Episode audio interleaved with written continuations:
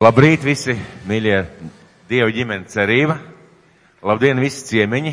Priecājamies jūs visus redzēt šodien. Ar, ārkārtīgi skaista, silta un es pat teiktu jau karsta diena. Un šī vieta gan arī tā kā tāda glābšanas oāze, pareizi? Bija tā, jā? Nē? Pavēsi, jā? nu, jums vajag uzvilkt žaketi mugurā, ko lai es jums vēl pasaku, ne? Nezinu, uh, nu, tāds vienkārši nākošajā reizē, kad mēs nākam, ņemam līdzi kaut ko varbūt siltāku, es nezinu, kādu metālīti vai, vai guļamais, lai var kārtīgi ietīties. Bet uh, paldies Dievam par silto laiku, kas ir atnācis, paldies Dievam par šo svētdienu, kad mēs varam būt šeit.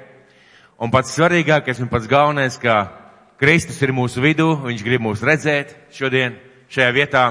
Viņš grib kaut ko darīt šajā vietā, viņš vēlās kaut ko tev pateikt šajā dienā, un viņš vēlās tevi svētīt. Ar Kristu ir ārkārtīgi interesanti. Kristus vienmēr sveitīja cilvēkus. Pat tad, kad viņš viņus sarāja vai norāja, vienmēr viņš sveitīja cilvēkus. Un tieši tāpēc viņam sekoja tūkstošiem cilvēku, ka ar viņu nekad tu nebija nepēdis, nekad tu nebija izsalcis, ka ar viņu nekad tu nebija tāds uh, nospiests vai bēdīgs. Viņš vienmēr kādam cilvēkam, katram cilvēkam kaut ko deva. Un es ticu arī šodien, šajā dienā, viņš kaut ko sagatavojis tev. Es patiesi priecājos par ikvienu, kas šodien šajā siltajā dienā, šajā dievnamā, jo tas nozīmē, ka jums tas, ko jūs gaidat šeit, jau sagaidat šeit saņemt, ka tas priekš jums ir svarīgi un tas ir nozīmīgi. Un eh, šodien gan slavēšanas komanda, gan, eh, gan tas, ko māsa Skarleta runāja, gan vēl kādas lietas jau sagatavoja to, ko es gribētu šajā dienā dalīties. Bet man ļoti būtu liela vēlēšanās, lai, kad mēs klausīsimies, lai tas nav tāds uh, ikdienišķa runa vai vienkārši katras, katras svētdienas sprediķis. Nav tādu vienkāršu svētdienas sprediķu, tas ir Dieva vārds. Bet lai šodien mēs varbūt tā īpaši ieklausītos tajā, ko Dieva svētais gars grib mums pateikt. Un tāpēc es gribētu aicināt jūs uz lūkšanu, ne tradīcijas pēc, bet vienkārši, lai Dievs saka, lūdziet, lai jums būtu gudrības un atklāsmes gars. Tas nozīmē, ka lūksim, lai Dievs mums palīdz ieraudzīt un saprast to, ko Viņš mums šodien gribētu pateikt. Mūsu dabas tēvs, mēs nākam pie Tevis šajā dienā. Kungs, mēs Tev pateicamies par Tavu vārdu, par visu Tavu vārdu ko esi devis mūsu audzināšanai, mūsu svētīšanai. Tās caur tavu vārdu mēs kļuvām ticīgi. Mēs piedzīvojam jēzus savā dzīvē. Mēs piedzīvojām svētības un izmaiņas.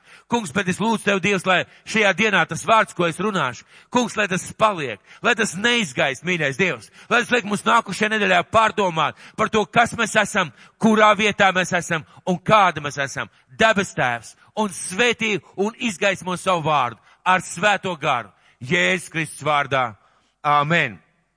Un vārds, ar kur es dalīšos, sauksies svētīgi, izsalkušie un izslāpušie pēc patiesības, jo tie tiks pabarot. Svētīgi izsalkušie un izslāpušie pēc patiesības, jo tie tiks paēdināti. Mēs šeit slavēšanas laikā dziedājām dziesmu, kā uh, izslāpušie nāciet visi pie manis. Tie ir Jēzus vārdi. Un nākošu svētdien mēs kā draudz atcerēsimies vasaras svētku notikumu. Atcerēsimies vasaras svētku notikumu un to, kas notika vasaras svētkos 2000 gadus atpakaļ. Un mēs kā draudze vasaras svētkiem varam uzbūvēt skaistu piemineku. Pielikt skaistu plāksni, vasaras svētku draudze, tajā tajā datumā svinām vasaras svētkus, sakārtot ziedus, kas ir labi un vērtīgi, uzklāt galdu, sarīkot kādu mīlestību un nopriecāties un nosvinēt vasaras svētku dienu, un viss kā lielākā daļa varbūt šajā dienā pasaules vai draudžu aiziet mājās, teikt, šodien vasaras svētki bija brīnišķīgs laiks, mācītājs skaisti runāja, es tā laikā planēju kaut kur apkārt, viss bija kārtībā, ļoti jauka, ka bija baznīcā, tad laba svētbīga sajūta.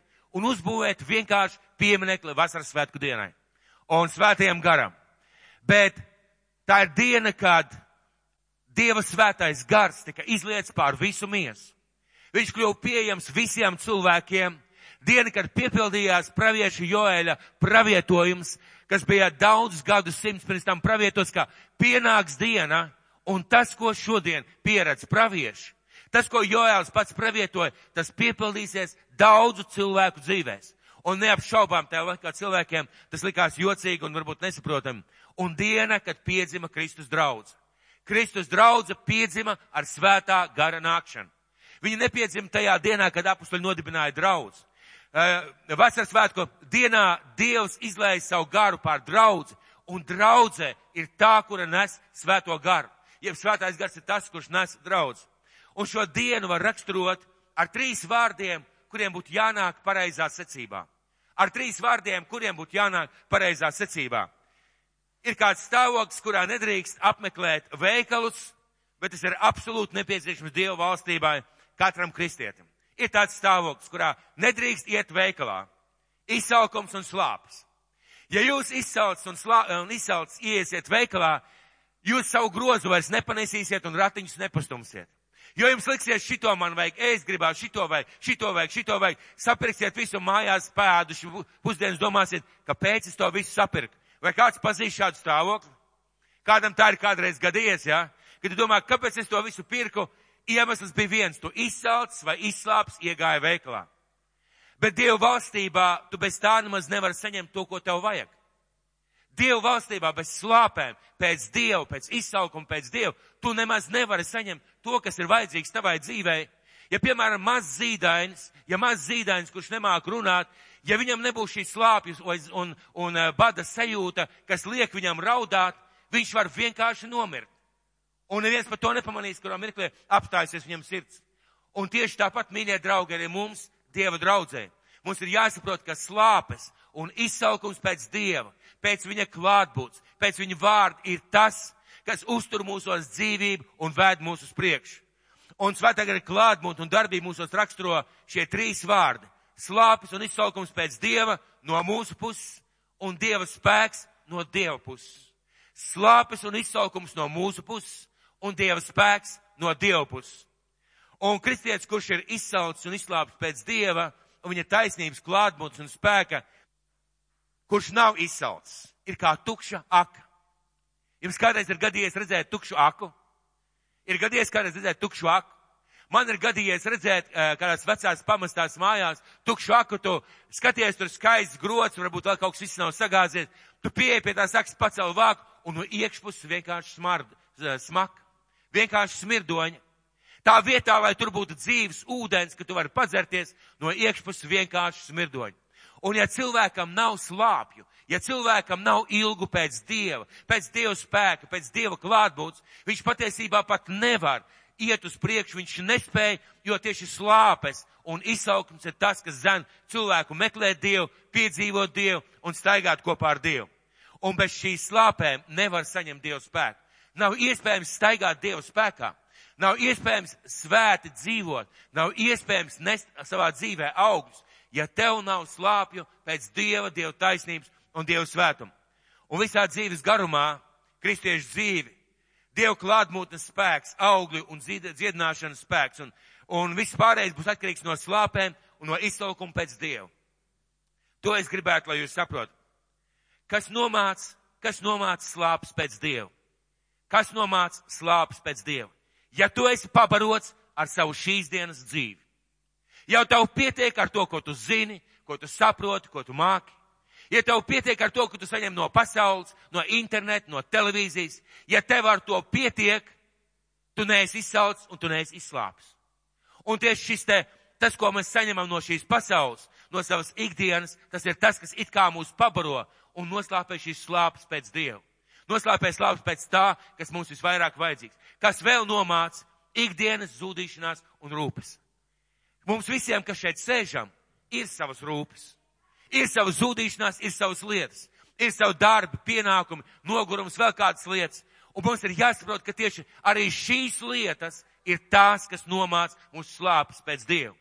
Ja tu esi noguris, tev ir grūti lasīt. Ja tu esi pārstrādājies, tev ir grūti lūgt. Ja tu esi paēdis ar to, kas ir tavā dzīvē, ja šobrīd tu šeit sēdi un uz dievkalpojumu atnāc vienkārši tāpēc, ka tev ir jāatnāk vai sirdsapziņa liek, tev ir jāzina, tu neesi izslāps un izsalts. Un tas nozīmē, ka tu esi uz tās līnijas, ka tu vairs īstenībā gandrīz neko nevar paņemt, saņemt. Kāpēc par to mēs runājam? Tikai tāpēc, ka tā ir patiesība. Tikai tāpēc, ka tā ir patiesība. Un kristietis, kurš nāk uz dievkalpojumu bez slāpēm, Vai viņš kaut ko dievkalpojumā var saņemt? Vai kristietis, kurš atnāk uz baznīcu un domā tā, interesanti, kādu mācītājiem šodien būs šlips? vai ko es šodien dievkalpojumā satikšu, vai ko es pēc dievkalpojuma darīšu, vai šāds cilvēks kaut ko var saņemt dievkalpojumā. Jēzus dzīve pierāda. Jēzus dzīve, kurš bija izcilākais sludinātājs, pierāda, ka viņu klausījās simtiem cilvēku. Beigās palika 12 mācekļi. Viņu klausījās augstu izglītot gudri, bet viņiem pietika ar to, kas viņiem bija. Un ja kristietis nāk uz divkalpojumu ar domu vienkārši jānāk uz divkalpojumu, un viņš negaida kaut ko saņemt, viņš nevar saņemt. Tas ir tas pārdabiskais, ka Dievs spēja runāt arī caur ēzeli. Dievs spēja runāt caur mācītāju. Dievs spēja runāt caur brāli, caur māsu, caur notikumiem draudzē, caur vēl kādām lietām. Dievs spēja runāt. Bet tev ir jābūt šim slāpēm. Cilvēks, kurš paņem rokās bībeli, un es domāju, ka mums visiem tā ir gadījies, pareizi? Tu paņem rokās bībeli, vajadzētu palasīt, bet tev patiesībā nav slāpes kaut ko saņem, pie, saņem. Tev patiesībā nav vēlēšanās kaut ko dabūt ārā no turienes, kaut ko piedzīvot, kaut ko ieraudzīt. Tu lasi un pēc pusstundas tu pamani, ka tu neko neatceries. Vai visi pazīst tādu stāvokli? Visi pazīst tādu stāvokli, jā? Ja?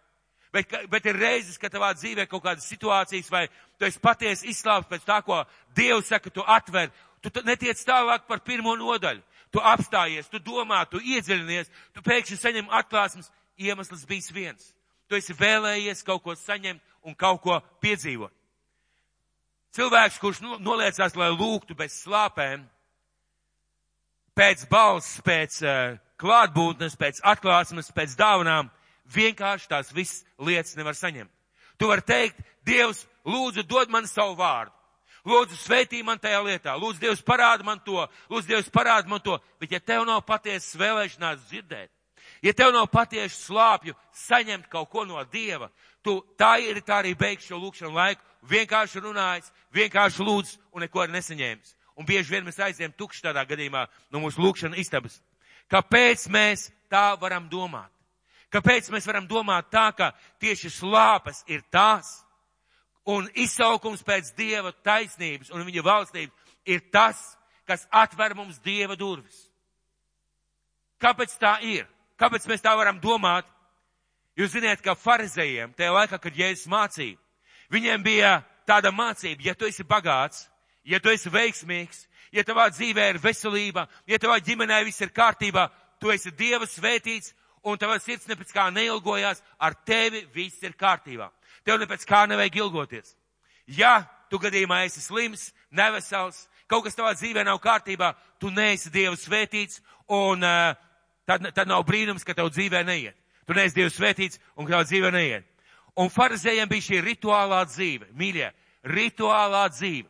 Viņi mazgāja rokas, viņi mazgāja trauks, viņi iegāja templī, viņi klanījās, tad viņi lasīja šo te toru, tad viņi cēlās kājās, tad viņi nometās ceļot, tad viņi gāja mājās, un viņiem ar to pietika. Un viņiem ar to pietika. Un nav brīnums, kad atnāca Kristus, kad viņš sludināja viņiem Dieva sirdi, viņš sludināja viņiem Dieva gribu. To atklāsim, par kur bija runājuši pravieši gadu simtiem. Viņi nespēja uztvert, jo viņiem nebija slāpi. Viņiem nebija slāpi. Vai jūs nepārsteidz tas, ka ja es izvēlējās vienkārši cilvēkus, muitniekus, zvejniekus, amatniekus, Ziniet, kāpēc šiem cilvēkiem nebija šī izteiktā rituālā dzīve. Un acīm redzot, viņiem kaut ko vajadzēja. Viņiem bija kāds jautājums viņu dzīvē, un Dievs to redzēja. Un Kristus atnāca pie viņiem, jo viņiem bija šīs lāpes kaut ko piedzīvot un redzēt. Kāpēc es ar tādu pārliecību to varu apgalvot? Un Mateja evaņģēlijas, piektā nodaļa, sāksim ar pirmo pantu. Mateja evaņģēlijas, piektā nodaļa, sāksim ar pirmo pantu. Un tad atnāk Jēzus. Farizējiem viss ir kārtībā. Tieši tāpat kā mūsu draudzēs mūsu laikā. Viss ir kārtībā, mums ir savi dievkalpojumi, sava kārtība, sava slavēšana, savs ziedojuma laiks, savs svētdienu laiks. Esmu kādā kalpošanā, viss ir kārtībā, viss notiek, un tad pēkšņi atnāk Jēzus. Un tajā vietā, tajā vietā, tajā vietā, kur viņiem liekas, ka viss ir kārtībā, pēkšņi viņš ienes sajukumu. Un ko viņš saka? Ko viņš saka šajā piektajā nodaļā? Kad viņš ļaužu pulku redzēja, viņš uzkāpa kalnā, nosēdās, un viņa mācekļi sapulcējās pie viņa. Un savu muti atdarījis, viņš tos mācīja sacīdams. Teologi saka, ka kalna svētruna. Kalna svētruna ir izcilākā runa pasaules un cilvēks vēsturē, kas jebkād ir izskanējusi uh, pasaulē. Bet šīs svētrunas centrs ir svētīgi izsaukušie, svētīgi izslāpušie, svētīgi garā nabagie. Un Jēzus tā tad mācīja, un var saprast no tā, ka viņš mācīja, šī, šī, šī mācība bija nopietni sagatavot un nopietni viņš arī viņu pasniedz. Un lūk, tajā laikā, kad farizējiem likās, ka, ja tev viss ir kārtībā, tev viss apmierina, tavā dzīvē viss ir forši, un tu komfortabli jūties, ka tad tev viss ir kārtībā un Dievs ir kopā ar tevi, pēkšņi viņš saka, pēkšņi viņš saka vārdus, un savu muti atdarīs viņš tos mācīs sacīdams. Svētīgi garā nabagi, jo tiem pieder debesu valstību. Ko viņš pateica? Viņš pateica, svētīgs, jeb laimīgs tas cilvēks, kurš nejūtās pašpietiekošs, kuram nepietiek ar to, kas ir viņa dzīvē, kurš nesaka, man pietiek, man viss ir kārtībā. Svētīgi tie, kam bēdas, jo tie tiks iepriecināti. Šī vārda attiecinām uz cilvēkiem, kuri bēdājās par savu grēcīgumu kuri skuma par to, ka viņiem neizdodas, kuri skuma par to, ka viņiem neiet dzīvē tā kā vajadzētu, un ka viņi domāja, ka viņi ir grēcinieki, un viņi arī bija grēcinieki. Un iesaka, svētīgi, bēdīgie, jo tie tiks, jo tie tiks iepriecināti. Un mēs zinām, Kristus atnāca un piedeva grēkus un iepriecināja šādus cilvēkus. Svētīgi lēnprātīgie, jo tie iemanto zemi. Un sestais pants, pats centrs Svētīgi izsaukušie un izslāpušie pēc taisnības, jo tie tiks paēdināti. Svētīgi izslāpušie un izsaukušie pēc taisnības, jo tie tiks paēdināti. Un vārds, jo tie, manuprāt, attiecās uz cilvēkiem, kuri ir izslāpuši un izsaukuši. Un tieši šajā pašā mirklī vairāk cilvēku zālē guļ. Svētīgi žēlsirdīgie, jo tie dabūs žēlastību. Svētīgi sirdsčīstie, jo tie Dievu redzēs. Svētīgi miera nesēji, jo tie tiks saukti par Dievu bērniem. Svētīgi taisnības dēļ vajātie, jo tiem pieder debesu valstība. Svētīgi jūs esat, ja jūs lamā un vajā, un ar meliem par jums runā visu ļaunu manis dēļ. Esiet priecīgi un līksmi, jo jūsu alga ir liela debesīs, jo tā tie vajājuši praviešus, kas priekš jums bija. Jēzus runa ir sagatavota precīzi. Viņš runā īsos teikumos. Patiesībā šie viņa teikumi ir kā pātagas cirtieni tā laika farizējiem un pārliecinātajiem cilvēkiem. Jēzus saka, jūs domājat, ka jums ir viss kārtībā. Jums liekas, ka viss ir, viss ir kā, viss tā kā vajadzētu. Jūs dzīvojat pārticībā, jūs dzīvojat pārpilnībā, jums nav gara nabadzības, jums viss ir kā liekas normāli. Ziniet, ka svētīgi tie, kuriem ir savādāk. Nevis tāpēc, ka viņi ir grēcinieki, bet tāpēc, ka viņi ir izsaukuši. Tāpēc, ka viņi raud par saviem grēkiem. Tāpēc, ka viņi meklē mieru. Tāpēc, ka viņi ir mana dēļ vārda vajāti. Tāpēc, ka viņi tiecās pēc manis. Un visa pamatā un centrā ir svētīgi izsaukušie un izslaukušie pēc taisnības, jo tie tiks paēdināti. Jo tie tiks paēdināti. Un tas ir pretrunā ar tā laika mācību. Un šajā laikā, šajā, ar šiem vārdiem, Jēzus patiesībā atgādina vecos praviešus kas pravietoja par Dieva sodu, par Dieva tiesu, par Dieva taisnību. Un tas šiem daudziem cilvēkiem ir vienkārši kā, kā šoks, kā neiespējama lieta. Un kad Jēzus māca par svēto garu, viņš saka tādu līdzību. Jūs ziniet, ka mēs beidzam šo vietu, un Jēzus māca tālāk par svēto garu saviem mācekļiem. Un Lūkas evaņģēlijā 11. nodaļā, 5. līdz 3. pants. Lūkas evaņģēlijas 5. nodaļa, no 5. līdz 11. nodaļa no 5. līdz 13. pantam. Un viņš sacīja, kuram jūs starpā ir draugs, ja viņš pa tā noiet nakts vidū un tam teikt, mīļais, aizdod man trīs maizes. Jo mans draugs no ceļa pie manis ir iegriezies, bet man nav nekā, ko viņam celt priekšā. Un tas no iekšpuses atbildētu un sacītu, neapgrūtina mani. Durvis ir jau aizslēgts, un man bērni ir pie manis gultā, es nevaru celties un tev dot. Es jums saku, Ja es saku, es jums saku, ja arī viņš neceltos un nedotu tāpēc, ka tas ir viņa draugs, tad viņa neatlaidības dēļ tas celsies un dos viņam, cik vajadzīgs. Tā arī es jums saku, lūdziet, tad jums taps dots, meklējiet, tad jums taps atbildēts, klauvējiet, tad jums taps atvērts, jo ir katrs, kas lūdz dabū, kas meklē atrod, kas klauvē, tām atvērs. Kur būtu kāds tēvs jūsu starpā? Kas dod savam dēlam čūsku, ka tas lūdz tam zivi. jeb skorpionu, ka tas lūdz olu. Ja nu jūs ļauni būdam zināt dot saviem bērniem labas dāvanas, cik daudz vairāk jūs tēvs no debesīm dos svēto garu tiem, kas viņu lūdz. Un šo meklējiet, klaudziniet un lūdziet raksturo šīs slāpes un izsaukums. Tikai izsaucis un izslāpis cilvēks pēc Dievu valstības. Viņš klauvēs pie šī drauga durvīm neatlaidīgi un tomēr sagaidīs savu. Un jāsaka, ja jūs tādā veidā dzīvojat, tad Dievs jums dos svēto garu. Šodien daudz cilvēki filozofē, ir svētais gars, nav svētais gars. Runāšana mēlēs no Dieva, jeb no vēlna. Kas ir pirmais? Runāšana mēlēs, jeb pravietošana. Kādā secībā, kas nāk, kādā secībā, kas nenāk. Atbilde ir viena. Ja tu esi izslāpts pēc svētā gara, Jēzus saka, lūdz, meklē un klaudzini. Un ja tu esi izsaucis, ja tu esi izslāpts, Dieva svētais gars nāks pār tevi. Nevar pateikt laiku, nevar pateikt stundu, bet Dievs svētais gars nāks pār tevi. Ir vajadzības slāpes, un no turienes rodās neatlaidība. Un neatlaidības rezultāts ir svētais gars cilvēku dzīvē. Kāpēc mums tik ļoti ir vajadzīgs svētais gars?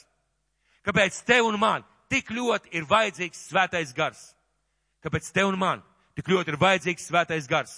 Jāņa evaņģēlijas, 16. nodaļa, 6. un 4. pants līdz 14. pants. Jāņa evaņģēlijas 16. nodaļa no 6.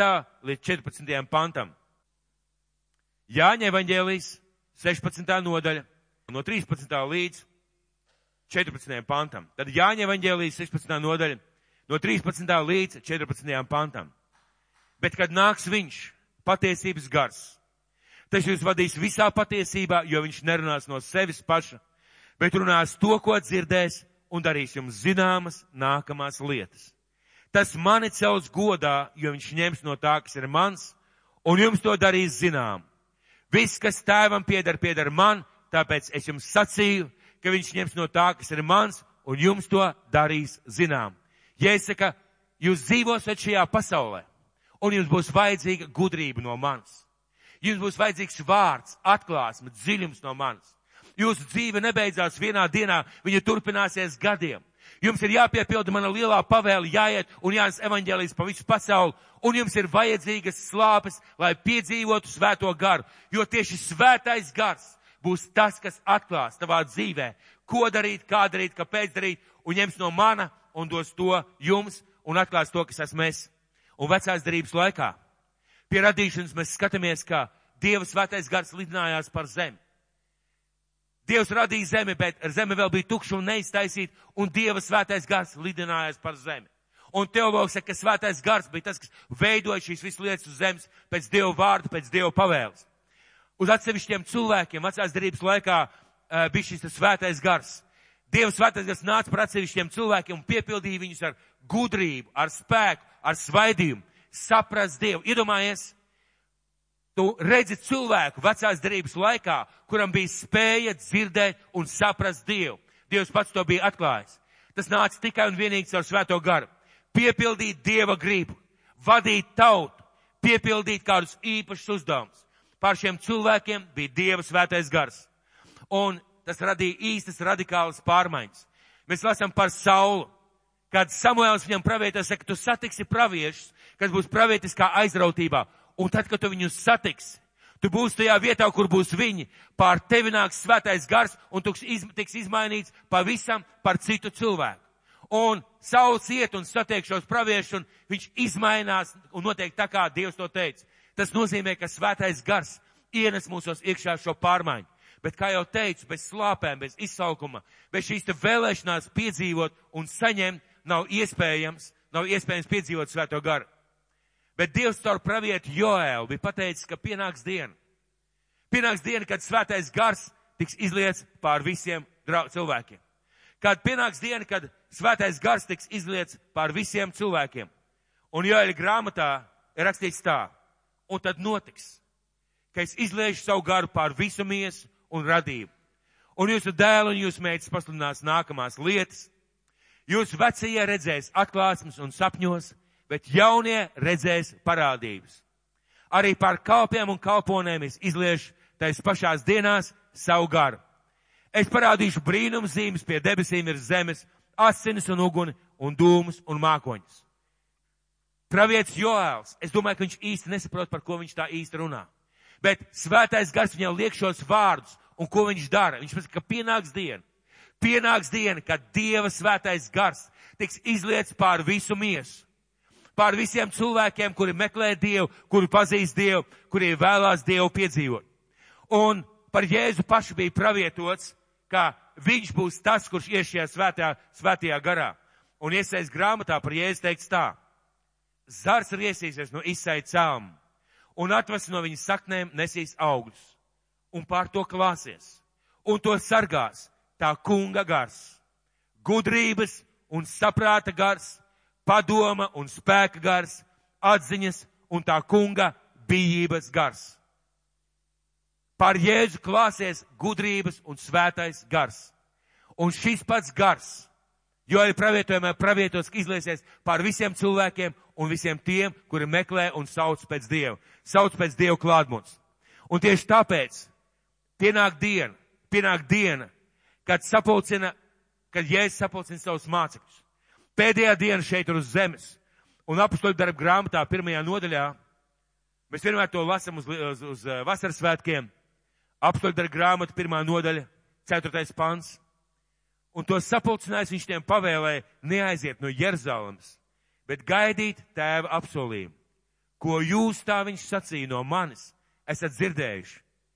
Jo Jānis gan ir kristījis ar ūdeni, bet jūs tiksiet kristīti ar svēto garu pēc nedaudz dienām. Un astotais pants. Bet jūs dabūsiet spēku, kad svētais gars būs nācis pār jums, un būsiet mani liecinieki kā Jeruzalemē, tā visā Jūdejā un Samarijā, un līdz pašam pasaules galam. Ja es sapulcinu savus mācekļus, saka, neaiziet no Jeruzalemes. Jūs tik daudz esat redzējuši, piedzīvojuši, staigājuši trīs gadus kopā ar mani, bet neaiziet. Tas nav tas, kādiem jums ir jāiet šajā pasaulē. Un es saprotu pēc tā, ka viņi aizgāja un lūdza Dievu, ka viņiem bija šīs slāpes un vēlēšanās piedzīvot svēto garu. Šodien mēs runājam par svēta gara kristību, par uh, vasaras svētku dienu, bet bez svētā gara, uh, bez slāpēm, pēc svētā gara, pēc šī izsaukuma pēc Dieva nav iespējams piedzīvot to, ko Dievs vēlās iedot. Un pienāk vasaras svētku diena. Pienāk vasaras svētku diena, tie paši apustoļu darba grāmata, otrā nodaļa, pirmais līdz ceturtais pants. Un kad vasaras svētku diena bija atnākusi, visi bija sapulcējušies vienā vietā un piepieši no debesīm nāca rūkoņi, it kā stiprs vējš pūst, un piepildīja visu nāmu, kur tie sēdēja. Un viņiem parādījās it kā uguns mēlis, kas sadalījās un nolaidās uz ikvienu no tiem. Un visi tika piepildīti ar svēto garu un sāk runāt mēlēs, kā gars tie, tiem deva izrunāt. Kā gars tiem deva izrunāt.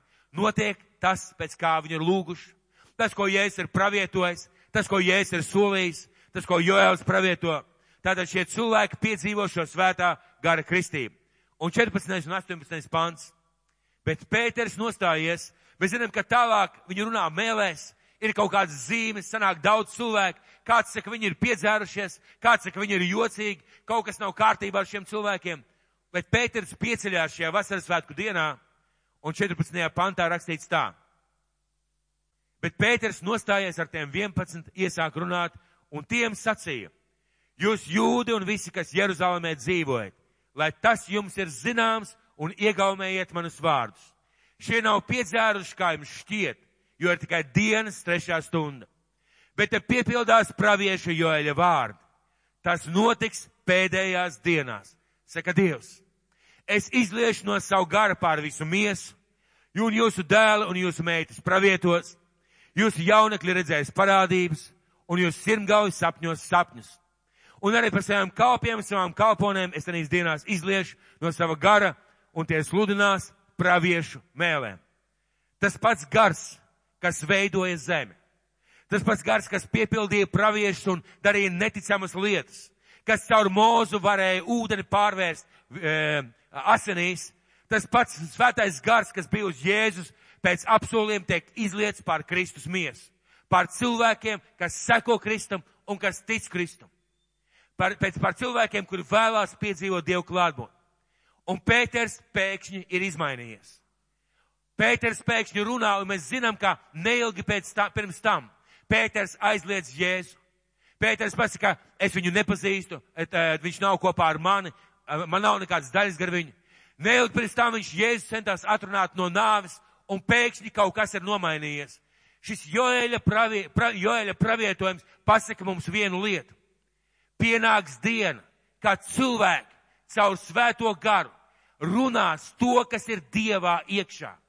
Viņi saņems nevis vienkārši atklāsmes, viņi redzēs lietas, ko Dievs grib pateikt. Viņi runās vārdus, ko Dievs grib teikt. Viņi darīs lietas, ko Dievs vēlāk, lai mēs darām. Un tas nav iespējams ar pārēdušos vēdaru. Tas nav iespējams, ja man pietiek ar to, kas man ir. Tas nav iespējams, ja es eju uz dievkalpojumu, tāpēc, ka ir jāiet uz dievkalpojumu. Tas nav iespējams, ja es lasu bībeli, ja vienkārši man ir jālas vai lūdzu tāpēc, ka man ir jālūdz. Nav iespējams, ka tu saņem no Dieva, iegremdējies Dievā un piedzīvo šīs pārdebiskās lietas, ja tev nav šo slāpju. Jo Jēzus pateica, izslāpušie un izsaukšie tiks paēdināti. Kādā vietā Jēzus runāja ar mācekļiem un ar fariziem, viņš teica, jūs šodien esat pēduši. Jums liekas, ka jums viss kārtībā. Pienāks diena, kad jūs izsalksiet. Pienāks diena, kad jūs raudāsiet, jūsu zobi trīcēs, tāpēc, ka šodien jums ir gana. Tāpēc, ka jums šodien ir pietiek. Mums, mīļie draugi, Dievu bērni, kristieši, par pienāk dienu mūsu dzīvē, ka mēs saucam uz Dievu jau lielās problēmās vieniem uz dēļ, jo mums pietika ar to, kas mums ir.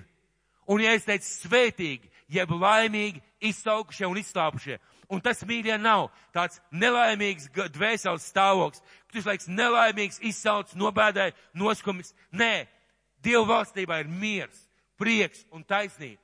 Bet tajā pašā laikā tev ir šīs slāpes pēc vairāk Dievu. Tev nepietiek ar to, ko pateica mācītājs. Tu mājās pārlas šos konspektus, tu domā, Tev nepietiek ar to, ko tu izlasīji pagājušajā nedēļā Bībelē. Tu šodien mēģini meklēt un rast. Tev nepietiek ar to, ko tu varbūt esi sapratis. Tu mēģini saprast dziļāk par konkrētām dzīves lietām un konkrētām dzīves sfērām. Mēs esam cilvēki, kas dzīvo miesā. Mums katram ir savas vajadzības. Ko Dieva svētais gars tev saka par tavu darbu? Ko Dieva svētais gars tev saka par tavu ģimeni, par tavu kalpošanu? Ko Dieva svētais gars tev saka par tavām attiecībām ar cilvēkiem?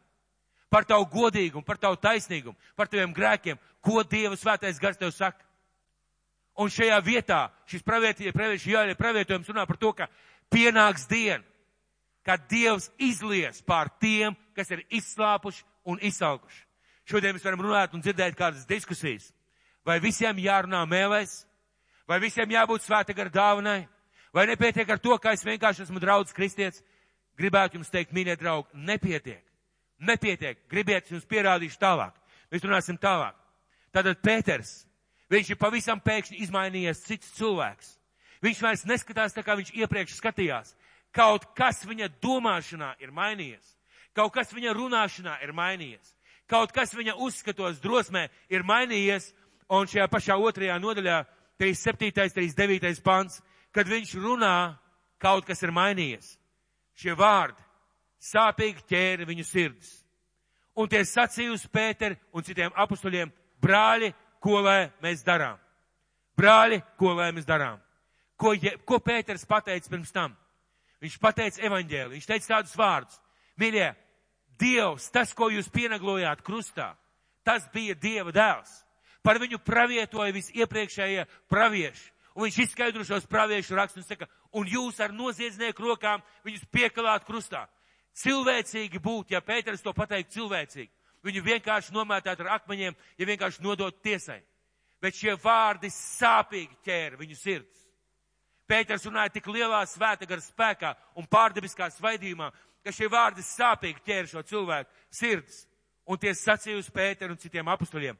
Brāļi, ko lai mēs darām? Bet Pēters tiem atbildēja. Atgriezieties no grēkiem.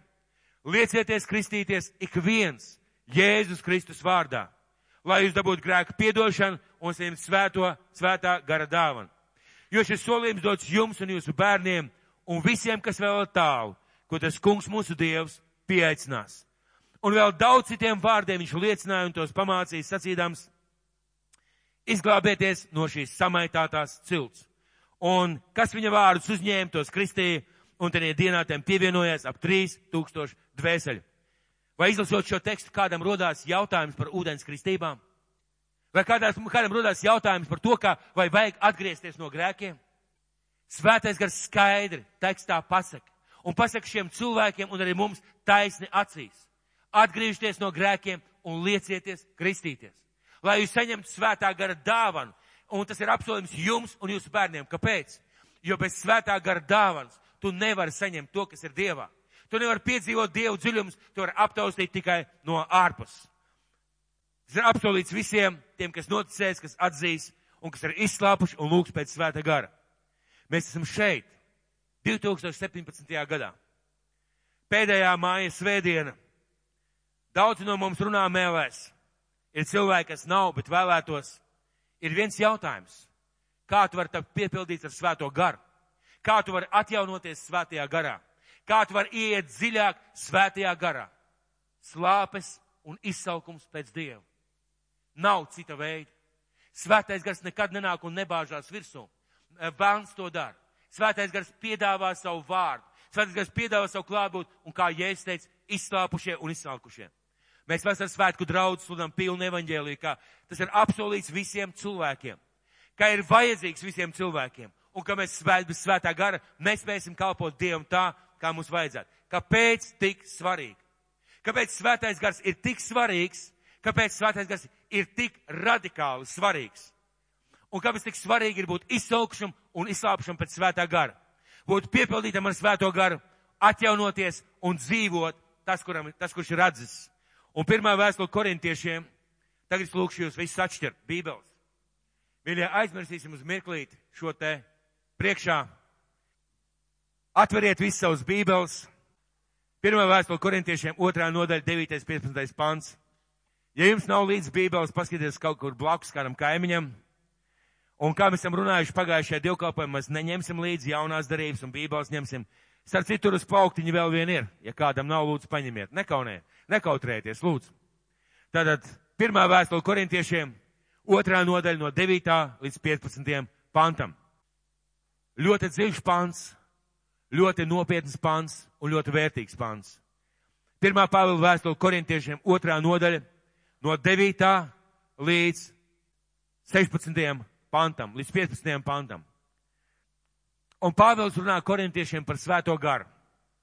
Viņš runā par lietām, kas neguļ virspusē, bet ir aprakts dziļi iekšā. Un devītais pants. Bet tā ir, kā ir rakstīts, ko acis nav redzējusi, un ko auss nav dzirdējusi, un kas neviena cilvēka sirdī nav nācis, to Dievs ir sagatavojis tiem, kas viņu mīl. Šajā pantā Dievs saka, Dievs ir sagatavojis to, ko neviens nav redzējis, nav dzirdējis, nav saprats. Dievs ir to sagatavojis tiem, kas viņu mīl. Tātad tas ir Dievā un Dievs to ir sagatavojis. Mums Dievs to ir atklājis ar savu garu, jo gars izdibina visas lietas, arī Dieva dziļumus. Un šai vietā Pāvils saka, mums, mums Dievs, to, kas ir Dievā, kas ir sagatavots cilvēkiem, Dievs ir atklājis ar savu garu, jo gars ir tas, kas izdibina Dieva dziļums. Gars ir tas instruments, tas lifts, nezinu, tā telefonu līnija, pa kuru mēs varam saņemt to, kas ir Dievā. Un Pāvils šeit saka, gars ir tas, kas izdibina visas lietas, arī Dieva dziļumus. Jo kurš cilvēks zina, kas ir cilvēkā, kā vien cilvēka gars? Sakiet lūdzu, vai jūs zināt, kas ir jūsos pašos iekšā? Vai cilvēks var zināt to, kas ir viņā pašā iekšā? Kaut ko var, bet svētais gars un bībeli saka, jūs nevarat zināt visu, kas jūsos iekšā. Bet jūsu gars zina. Un pat cik Dievs ir gars, viņš komunicē jūsu garu, un viņš zina par jums visu. Daudz vairāk nekā mēs paši par sevi. Daudz vairāk nekā mēs paši par sevi. Tāpat arī neviens nespēja izprast to, kas ir Dievā, kā vien Dieva gars. Un Dievs saka tieši tāpat, kā neviens nevar izprast, kas ir jūsos iekšā, kā tikai jūsu gars. Tieši tāpat, kas ir Dievā, neviens nespēja izprast, tikai Dieva gars. Un atgriežamies pie priekšējā panta, jo gars, mums Dievs to ir atklājis ar savu garu. Tas nozīmē, ka ja tev ir svētais gars, kurš izdibina dieva dziļumus, kas zina, kas ir dievā, tad dievs, ja šis te gars, ļauj tev ieskatīties lietās, kurās tu tāpat nevari ieskatīties. Ļauj tev piedzīvot un saprast lietas, kuras tu tāpat nekad nevarētu izprast. Lasīsim tālāk. Bet mēs neesam dabūjuši pasaules garu, bet garu, kas nāk no Dieva, lai saprastu, ko Dievs mums ir dāvinājis. Atkal šis uzsvars uz to, ka mums ir svētais gars, lai mēs saprastu to, ko Dievs mums ir dāvinājis. Jautājums, vai bez svētā gara var saprast Dievu dziļumus? Nevar. Var saprast varbūt Bībeles tekstu, var saprast varbūt kaut kādas lietas, pa virs kaut ko var nogrābstīt, kaut ko var lasīt, un daudz cilvēku tā ar dzīvo. Bet, ja es teicu, izslāpušie un izsaukšie tiks pabarot, un ja tu gribi zināt, kas ir Dieva dziļumos, tev ir jāgiet pie svētā gara, tev jāmeklē svētā gara kristība, un kad es kristīts svētajā garā, jālūdz, lai svētais gars tev atklāja lietas, kas ir Dievā. Mēs zinām, ka Dievā ir bezgalīgi dziļumi, kā okeāns. Tu nevari nonākt līdz, līdz galam nekad, nekad tu Dievu neizpratīs līdz galam. Bet šajā vietā Dievs saka, ka mums ir dots šis te gars, kurš izdibina Dieva dziļumus. Un caur svēto garu mēs varam saprast, kas ir Dievā. Kas ir Dievā. To mēs nerunājam ar cilvēcīgas gudrības vārdiem, bet ar vārdiem, ko gars māca, garīga lietas, garīgi apspriedams. Un šī, šī frāze Pāvils saka, ziniet, tas, ko es jums patreiz uzrakstīju, es pats to neizdomāju. Tā nav mana ideja. Dieva svētais gars man pateica, kā tas ir. Padomājiet pašiem, mēs mēģinātu tagad izdomāt, kā mēs Dievu varam saprast. Vai mēs varētu atrast kaut kādu veidu? Protams, mēs kaut ko varētu izdomāt, kaut ko atrast, kaut ko saprast. Bet Dievs Pāvēlam atklāja, ka tieši svētais gars ir tas, kurš izdibina Dieva sirdi kurš izdibina Dievu motīvus, Dievu plānus un Dievu idejas. Un kad Dieva skatais gars ienāk mūsu dzīvē, ja mēs esam izsaukši un izslāpuši pēc svētā gara, pēc viņa darbības mūsu dzīvē, Dieva svētais gars mums atklāja tās lietas, kas ir Dievā mīļie. Šodien cilvēki maksā bargu naudu, lai uzzinātu nākotni. Šodien cilvēki maksā bargu naudu, reizēm savas dvēseles iet pie ekstrasensiem, burviem, lai uzzinātu kaut ko par pārdabisko pasauli. Mums, mīļie, tas ir par velti tikai slāpes un izsākums. Tikai slāpes un vēlēšanās saprast. Un ja Dievs vēlās, lai tu saproti eņģeļus līdz visiem smalkumiem, lūdz svētajam garam, lai viņš tev parāda šīs lietas. Ja Dievs vēlās, ja Dievs vēlās, lai tu kaut kādas lietas eh, izprast savā dzīvē daudz savādāk un dziļāk, lūdz, lai svētais gars tev šīs lietas atklāja. Un tālāk viņš saka, miesīgs cilvēks nevar nesatvert to, kas nāk no Dieva gara. Jo tas viņam ir ģeķība, viņš to nevar saprast, jo tas ir garīgi apspriežams. Kas ir miesīgs cilvēks? Kas ir miesīgs cilvēks? Tas, kas dzīvo miesā. Mēs visi dzīvojam miesā. Kas ir miesīgs cilvēks vai neticīgs? Nevienmēr. Miesīgs cilvēks tas, kuram pietiek ar to, kas ir šeit. Miesīgs cilvēks ir tas, kurš nav izslāpis un izsaucis pēc Dievu. Miesīgs cilvēks tas, kurš domā ar šīs zemes kategorijām, un viņš ir apmierināts ar to, kas viņam ir. Tas ir miesīgs cilvēks, kuram pietiek ar to, kādā veidā viņš stāv. Un, pā, un šajā vietā Pāvils saka, miesīgs cilvēks to nesaprot. Cilvēks, kuram pietiek, viņš nesaprot to, ka var būt kādi cilvēki, kuri meklē Dieva dziļumus. Viņam vienalga, kas notiek Dievā, ko Dievs domā, jo viņam pietiek ar to, kas ir. Un Pāvils saka, miesīgs cilvēks nesatver to, kas nāk no Dieva dziļumiem. Jo tas viņam ir muļķība. Šo nevar saprast, jo tas ir garīgi apspriežams. Garīgais cilvēks izdibina visas lietas, un viņu pašu neviens neizdibina. Garīgais cilvēks izdibina visas lietas, un viņu pašu neviens neizdibina. Un svētais gars izdibina, jeb zina Dieva dziļumus. Tāpēc viņš spēja mums atklāt, kāds Dievs ir. Svētais gars spēja mums atklāt, kāds Dievs ir. Viņš mums spēja atklāt, kāda ir Dieva mīlestība.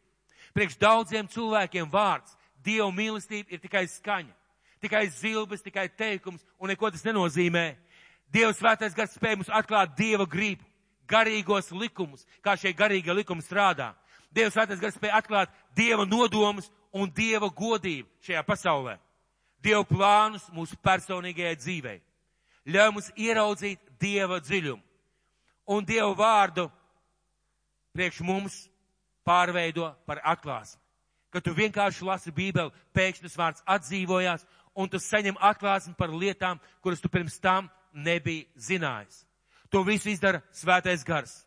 Bet, manuprāt, šajā pantā ir vēl kaut kas dziļāks. Manuprāt, šajā pantā ir vēl kaut kas dziļāks. Un, ziniet, mīļie, vienmēr aiz garīgiem likumiem, aiz garīgiem principiem, aiz gudrības, aiz plāniem, aiz kaut kādām lietām vienmēr stāv personība. Vienmēr stāv personība. Aiz lietām, kas notiek pasaulē, vienmēr nāk stāv personība. Un Dieva svētais gars ļauj mums ieraudzīt šīs personas sirdi.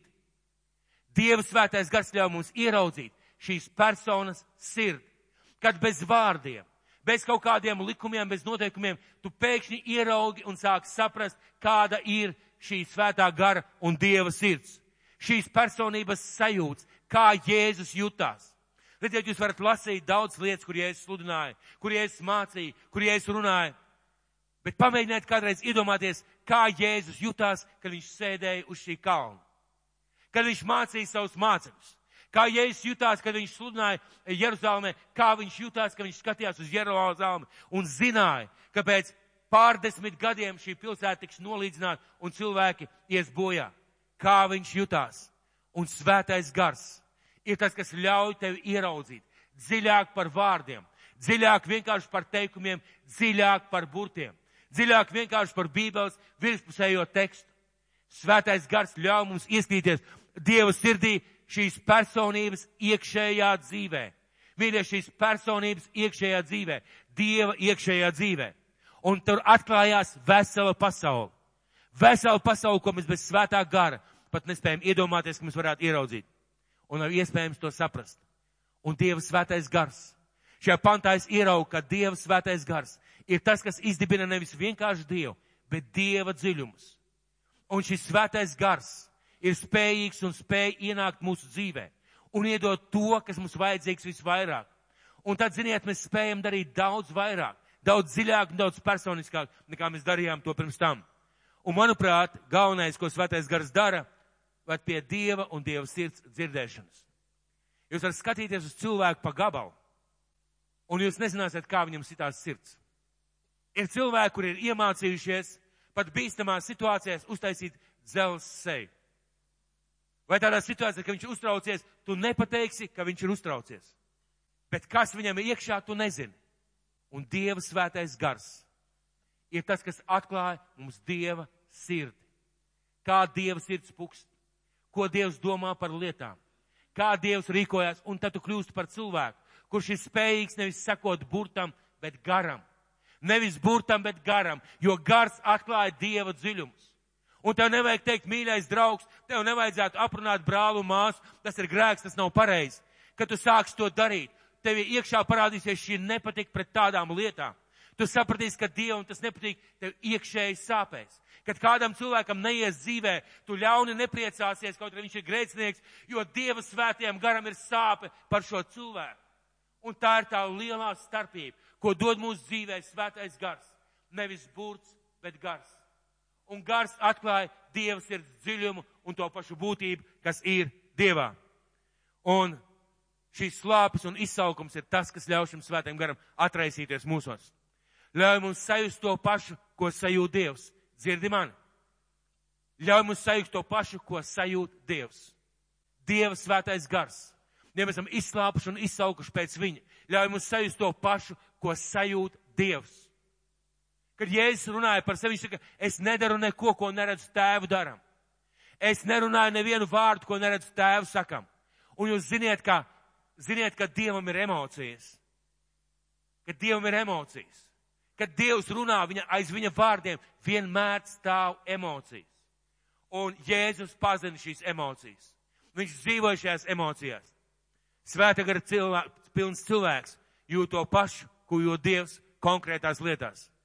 Un tas dara šo cilvēku spējīgu. Šī Dieva svētā gara klātbūtne cilvēkā dara cilvēku spējīgu mīlēt Kristu. Nevis vienkārši lietot vārdus, kungs, es tevi mīlu, bet tiešām pa īstam mīlēt. Līdz sāpēm, līdz asarām, līdz ilgām un izmisumam. Ļauj mīlēt Kristu. Ļauj saprast Kristu viņa ceļos, viņa vārdos, viņa domās. Un tad tev nav jāstāsta, kā es teicu, dari tā un nedari tā. Tev ir iekšā svētais gars, kas tev atklāj šīs lietas. Ļaut sekot Kristum, paņemt savu krustu un sekot Kristum. Kad Jēzus teica vārdus, ja kas grib man sekot, paņemiet savu krustu un sekojiet man pakaļ. Tie nebija vienkārši vārdi. Viņš zināja, ko viņš teica saviem mācekļiem. Viņš teica to saviem mācekļiem, un ziniet, ko viņš zināja?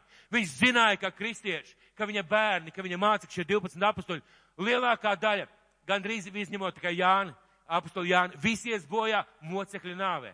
Viņš zināja, ka paies gadu simti, kad, jaun, kad, kad, kad Dievu bērnus, ka viņa mācekļus vajās izbros lauvā un sitīs krustā. Viņš zināja, un tāpēc viņš teica, ja kāds grib man sekot, paņemiet savu krustu un sekojiet man pakaļ. Un viņš zināja, ka bez svētā gara atklāsmes, bez svētā gara iekšienes, bez Dieva sirds dzirdēšana, tu nespēsi to izdarīt.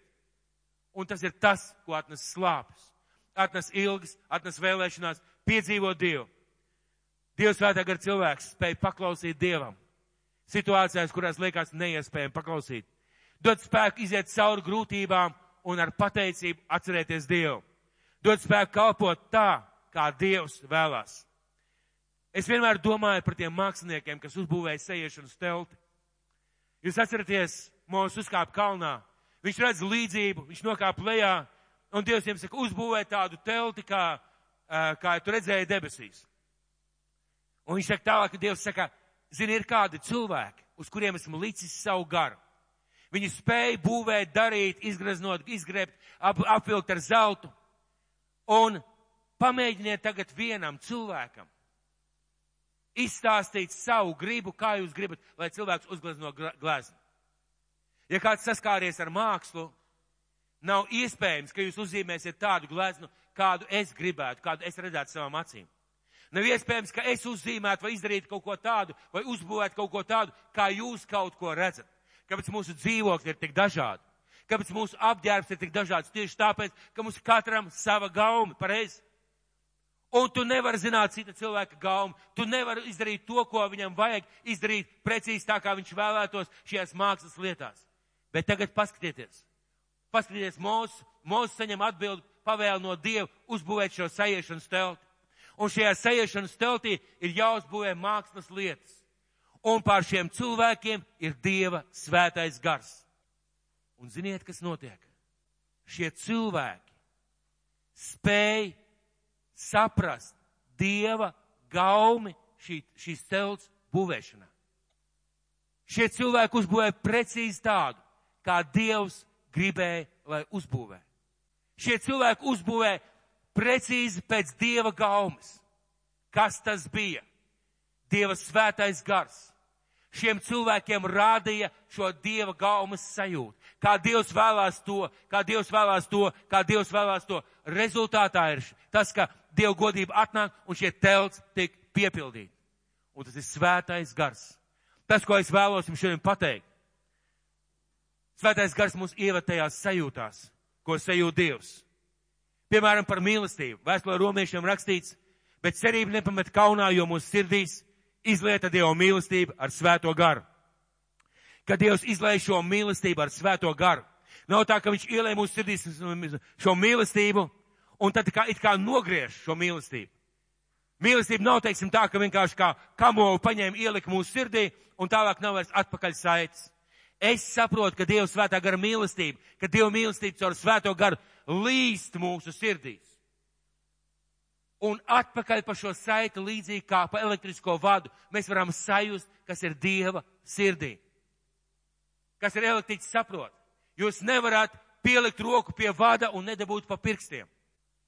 Un ja Dieva, Dieva svētais gars izlieja mūsu sirdīs mīlestību, tad pa šo mīlestības kanālu mūsu sirds spēja aiziet tur, kur ir Dieva sirds. Un mēs sajūtam, kā Dievs mūs mīl. Un to spēj izdarīt tikai Dieva svētais gars. Mēs it kā caur svēto garu nonākam Dieva sirdī. Jā, varbūt kāds teiks pārdrošs apgalvojums, bet Dieva svētais gars šajos pantos ir tas, kurš atklāja Dieva sirdi. Vai šīs Dieva sajūtas ir mūsu sirdī? Mēs it kā pieslēdzamies Dieva sajūtām. Iedomājies, tu spēj caur svēto garu pieslēgties Dieva sajūtām. Izjust tās sevī un Nes tās lietas, darīt tās lietas, ko Dievs vēlās, un mēs nespējam palikt vienaldzīgi. Mīļie, Jēzus neko nedarīja vienkārši savs, no savas gribas, bet tēva mīlestība, emocijas, sajūtas. Viss bija viņā iekšā, un viņš tāpēc dalījās ar vārdu, un tāpēc viņš darīja šīs lietas. Man gribētu šeit dot kādu salīdzinājumu. Mēs zinām, ka tad, kad mātes nesā savus bērnus, bērns vēl nav piedzimis. Viņš vēl nav spēris savu kāju uz šīs zemes.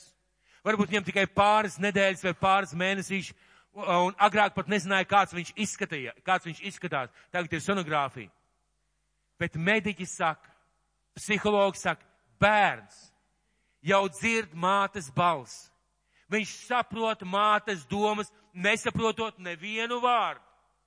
Viņš sajūt, ko māte domā, kādas mātei sajūtas par viņu. Viņš to sajūt. Līdzīgi, mīļie, tā ir arī ar mums. Ja mēs tā esam saistīti ar Dievu, mēs jūtam, ko Dievs domā, ko Dievs jūt, ko Dievs vēlās. Mēs to jūtam, un tas vairs nav likums, tas vairs nav burts, bet tas ir gars. Un skatoties šajā gaismā, mēs varam saprast ecķēļu vārdus. Skatoties tieši tādā veidā, mēs varam saprast, ko ecķēlis teica, domāja, sakot savā, savā, savos vārdos. Es jūs slacīšu ar šķīstu ūdeni, lai jūs to pat šķīsti. Es jūs šķīstīšu no visiem jūsu traipiem, no visādas jūsu elgdevības. Es jums piešķiršu jaunu sirdi un jaunu garu. Es izņemšu no jūsu krūtīm akmens sirdi un ielikšu jums miesas sirdi. Šo spēju dzirdēt sajūs Dievu. Es jūs apveltīšu ar savu garu un jūs vadīšu, ka jūs staigāsiet manos likumos un sargāsiet un pildīsiet manus noteikumus. Lūk, šis svētāk ir apsolījums, ka būs jauna sirds. Kas ir šī jaunā sirds? Šī jaunā sirds ir, ir, ir cilvēka sirds, kurš spēj, var un sajūt Dievu. Mēs kļūstam spējīgi sajust to, ko jūt Dievs. Šajā gaismā mēs varam saprast vēstuli ebrejiem. Vēstulē ebrejiem, 8. nodaļā, teikt tāda vārda. Šī ir tā darība, ko es celšu Izraēlu namam pēc šīm dienām, saka tas kungs. Es likšu savus baušus viņu prātā, un tos rakstīšu viņu sirdīs, un būšu viņiem par Dievu, un viņi man būs par tautu. Un viņi nemācīs katrs savu tuvāko, un brauc, brauc sacīdams, atzīst to kungu, jo visi mani pazīs, no lielā līdz mazajam, viņu starpā. Šeit neiet runa par kādu mistisku laiku. Šeit iet runa par to, ka cilvēki, kuri būs izslāpuši un izsaukši pēc Dieva, ka viņi spēs sajust Dieva sirdi, ka nebūs jāsaka, iepazīstu to kungu, viņi pazīs no kā. Viņi pazīs no Dieva vārda, no svētā gara darbības, no tām lietām, ko Dieva svētais gars viņos darīs.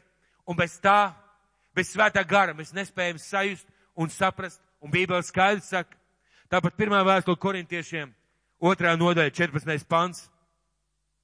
Pirmā vēstule korintiešiem, otrā nodaļa, 14. pants. Šeit jūs varat atšķirt. Miesīgs cilvēks nesatver to, kas nāk no Dieva, jo tas viņam ir ģeķība. Viņš to nevar saprast, jo tas ir garīgi apspriežams.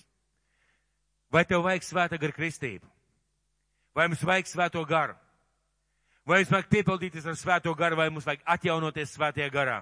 Ja esam atzimuši, es izsaucu un izslāpstu pēc Dieva, un tu spēj to piedzīvot un spēj to izdarīt. To visu atnes slāpes un Dieva svētais gars. Ļauj, es izslāpstu pēc tā, lai tavu sirdi salauž tas pats, kas salauž Dieva sirdi. Bez svētā gara tu nevar būt šajās sajūtās. Slāpst pēc tā, lai tava sirds smelds un skums par to pašu, par ko skums Dieva sirds. Slāpst pēc tā, lai tava sirds priecājas par to pašu, par ko priecājās Dieva sirds. Slāpst pēc tā, lai tā, tās pašas vēlmes, kas ir Dievā, būtu arī tavā sirdī. Slāpst pēc tā, lai tādas pašas ilgas pēc glābtiem cilvēkiem, vai cilvēku glābšana būtu arī tavā sirdī. Slāpst pēc tā, lai Dieva dusmas uz vēlna darbiem, uz tām lietām, ko viņš dara šajā pasaulē, būtu arī tavā sirdī, un tu spēsi staigāt Dievu spēkā un Dievu klātbūtnē. Ja tu esi izsaucis un izslāpis pēc Dieva taisnības, pēc svētā gara spēka, tu to piedzīvosi un būsi viņa vadīts. Un šodien mēs šeit sēžam un gaidām vasaras svētkus. Jautājums ir, vai tev un man ir vajadzīgs svētais gars, bet ne lai sabāztu kabatās. Ne lai palielītos, es runāju mēlēs.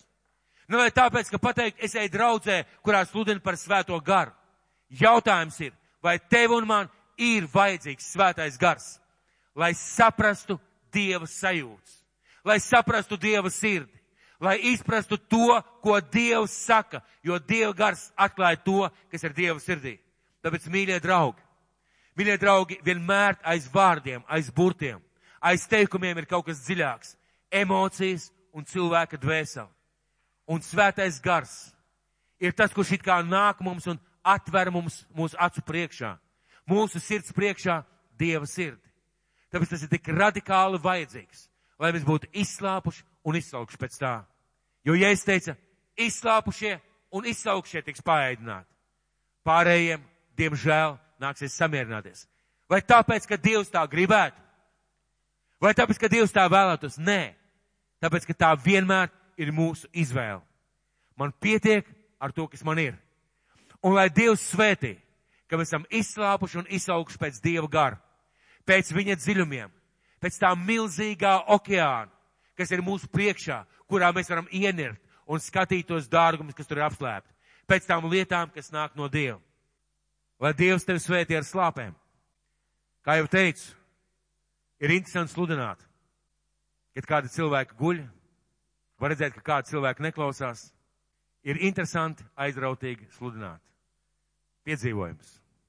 Mūsu dabas tēvs, es nāku, kungs, tavā priekšā. Un es tev lūdzu, kungs, par ikvienu šo tavu bērnu, kas ir šajā zālē. Es tev lūdzu, kungs, par ikvienu tavu bērnu, kas klausīsies caur kristīgo radio. Mīļais, kungs, izlai slāpes. Jēzus, mēs varam runāt par tavu svēto garu, par dziļumiem, par Dieva sirdi. Mēs varam runāt dienām un naktīm, mīļais kungs. Bet ja mums nebūs slāpi pēc šiem dziļumiem, ja mums nebūs vēlēšanās piedzīvot to, ko acs nav redzējis, ko aus nav dzirdējis, ko acs nav skatījis, mēs to nespēsim nekad arī ieraudzīt. Tāpēc, kungs, es lūdzu, izlai savu svētā gar slāpes par šiem cilvēkiem šajā zālē. Izlai svētā gar slāpes par cilvēkiem kristīgajā radio. Izlai svētā gar slāpes par tiem cilvēkiem, kas iet uz baznīcām. Un debes tēvs, lai vienmēr ir par maz, lai vienmēr ir šis izsaukums dzirdēt vairāk, saņemt vairāk, piedzīvot vairāk, iet dziļāk, rakt un meklēt, svētīt savu dzīvi, atteikties no grēkiem un iet kalpošanā, lai piedzīvot to, ko tu svētais gars vēlēs darīt. Jēzus Kristus vārdā. Āmen!